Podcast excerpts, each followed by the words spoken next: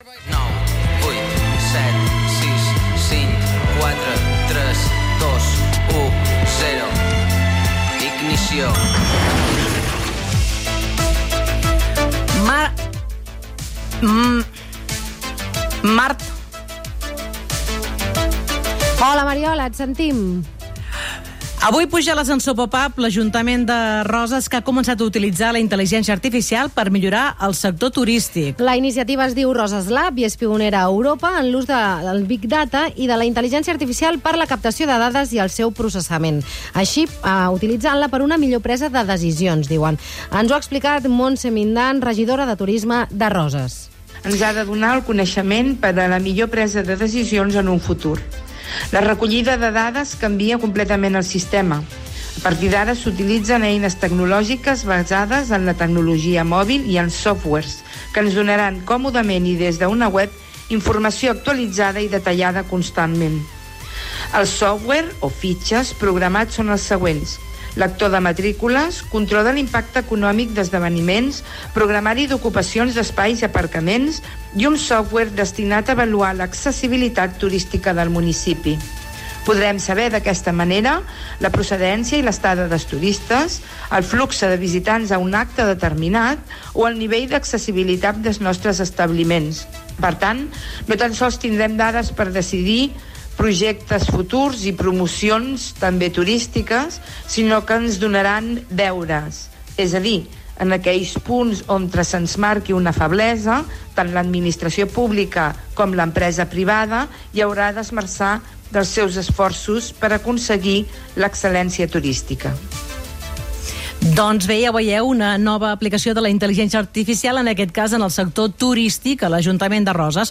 També puja l'ascensor avui una iniciativa de l'Autoritat Catalana de Protecció de Dades i la xarxa de biblioteques. Aquest dissabte, dia 28, és el Dia Internacional de la Protecció de Dades i per commemorar-lo han organitzat diferents activitats per a infants, joves i adults amb la privacitat com a tema central. Ens ho ha explicat Meritxell Borràs, directora de la PDeCAT l'Autoritat Catalana de Protecció de Dades amb la col·laboració de les biblioteques públiques de Catalunya tirem endavant un projecte que el que pretén és conscienciar el conjunt de la ciutadania, en els nens, en els joves, però també els adults, a través de diverses activitats, des de lectures, a jocs, actuacions de màgia, en què expliquem què són les dades personals i com hem de fer les persones per protegir-les, perquè amb les nostres dades personals protegides és evident que ens garantim doncs, la nostra independència i llibertat en un món cada vegada més digital.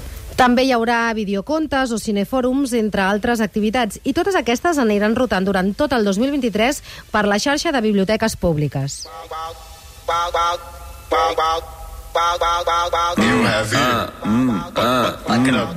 Bacallà, bacallà, bacallà, bacallà, bacallà, bacallà, bacallà, bacallà, bacallà, bacallà, bacallà, bacallà, bacallà, bacallà, i no va dir res. Bacallà i no va dir res. Bacallà. Un cop al mes fem l'ascensor pop-up, et donem un minut de temps perquè promocionis, perquè expliquis la teva solució tecnològica i fer-ho extensiu a tota la gent pop-up, a tota la gent que escolta el programa. Continuem a l'ascensor amb una bona notícia pels més joves. Sí, el Primavera Sound amplia la seva adhesió al bonus cultural jove, la mesura de suport a la joventut del Ministeri Espanyol de Cultura i Esports. Ens ho diu el seu cap de comunicació, Joan Pons. Des de Primavera Sound sempre hem volgut intentar facilitar l'accés a la cultura, en aquest cas la, la música en directe, al públic més jove. Al Festival de Barcelona, per exemple, eh, es pot accedir amb descomptes gràcies al carnet jove o gràcies a demostrar que és resident a comarca del Barcelonès i també utilitzant el bono cultural joven. Um, com que creiem que no només podem vincular eh, aquestes facilitats a l'època del festival, també hem decidit que al llarg de tot l'any els concerts que muntem com a promotora eh, en nom de Primavera Sound també es podrà accedir utilitzant les, els avantatges del bono cultural joven. Trobareu tota la informació sobre com fer-ho al web de la promotora www.primaverasound.com. És curiós això del bonus cultural jove perquè és veritat que hi ha un munt de nanos que, que tenen aquest bonus que, mira, per exemple, han invertit en vinils, que això és una de les coses que m'han sorprès. Han comprat vinils amb, amb això. Va, tanquem l'ascensor pop-up d'avui amb una proposta d'oci. És el Brum. Ara preguntarem com s'ha de pronunciar, però és el Brum Escape, un centre de realitat virtual a Barcelona. Home, si ens dieu el pop-up centre de realitat virtual, doncs què hem de fer? Doncs anar-hi. El Xavi Maimó és el creador de B-Room Escape. Hola, Xavi, com estàs? Bé, eh, et sentim una miqueta baix. Um, com ho hem de pronunciar, això?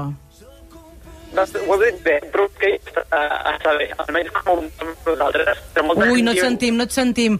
Hauríem de tornar a fer aquesta trucada perquè estàs en un lloc que té poca cobertura. Em diu millor? No, No, no, no, no, no tens cobertura. Um, intent, intentem... És per telèfon, això, no? Estem trucant per telèfon? sí, provem de tornar Se a sent- trucar. Sí, sí, tornem de tornar a trucar i que es mogui una miqueta, però, però mentrestant, Marta, podíem dir de quina manera um, la gent ens pot enviar propostes a través doncs, de, Sí, per amb, poder amb estar en l'ascensor pop-up el que volem és fer d'altaveu a tots aquells projectes que ens arriben sovint a través de les xarxes, també al correu electrònic del programa, i que ja, sí, per motius d'agenda o altres motius, no podem dedicar-hi molts minuts, però els cedim directament un, un minut de la nostra antena perquè ells ens ho expliquin. Ens mm. poden enviar un correu a popup arroba catradio.cat o a totes les nostres eh, xarxes, que sempre som arroba popupcatradio. I un mm. cop al mes, l'últim dimecres de cada mes, els cedim aquests minuts d'antena per cada un d'aquests projectes. La veritat és que estem molt contents perquè en aquesta setena temporada estem rebent tantes propostes que de vegades eh, ens costa, no? I anem així tots plens de coses i fins i tot, per exemple, ara la setmana que ve um, aprofitem mentre estem intentant recuperar la trucada, us expliquem que la setmana que ve tenim bastantes coses a fer perquè dimarts, per exemple, um, serà una mica el tret de sortida de les fires internacionals tecnològiques. Sí. Ara sentíem doncs, que els taxis finalment han decidit posposar la, la, les aturades, però a banda d'això, en les fires eh, nosaltres anem a buscar doncs, eh, les última tecnologia i just el dimarts estarem en directe a la Fira de l'Audiovisual, a ICE, però també es fa paral·lelament al Congrés de Ciberseguretat i també una trobada de la internet de les coses. Per tant, dimarts serem allà i també tenim preparat un programa molt especial el dijous al Teatre Lliure, que és un dels primers teatres que eh, ha digitalitzat tota la seva documentació, aquestes fotografies i tot això que generen eh, a través del teatre. Va, anem a recuperar el Xavi Maimó. Xavi, a veure si ara et sents una mica millor, podem entendre què és això de Birroom Escape, Xavi? Hola, què tal? Em sentiu? Ara sí. Home, genial, genial. Escolta, Ah, què és. Birroom Escape i en què es diferencia dels escape rooms que ja coneixem?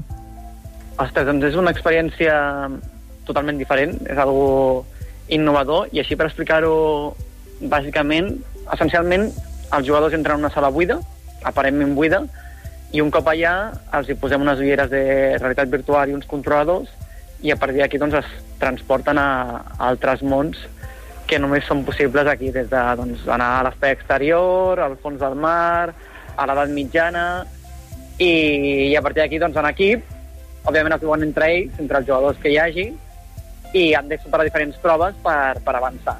Des de salvar doncs, això, un meteorit que està a punt d'impactar contra la Terra, a recuperar una màquina del temps, hi ha moltes possibilitats.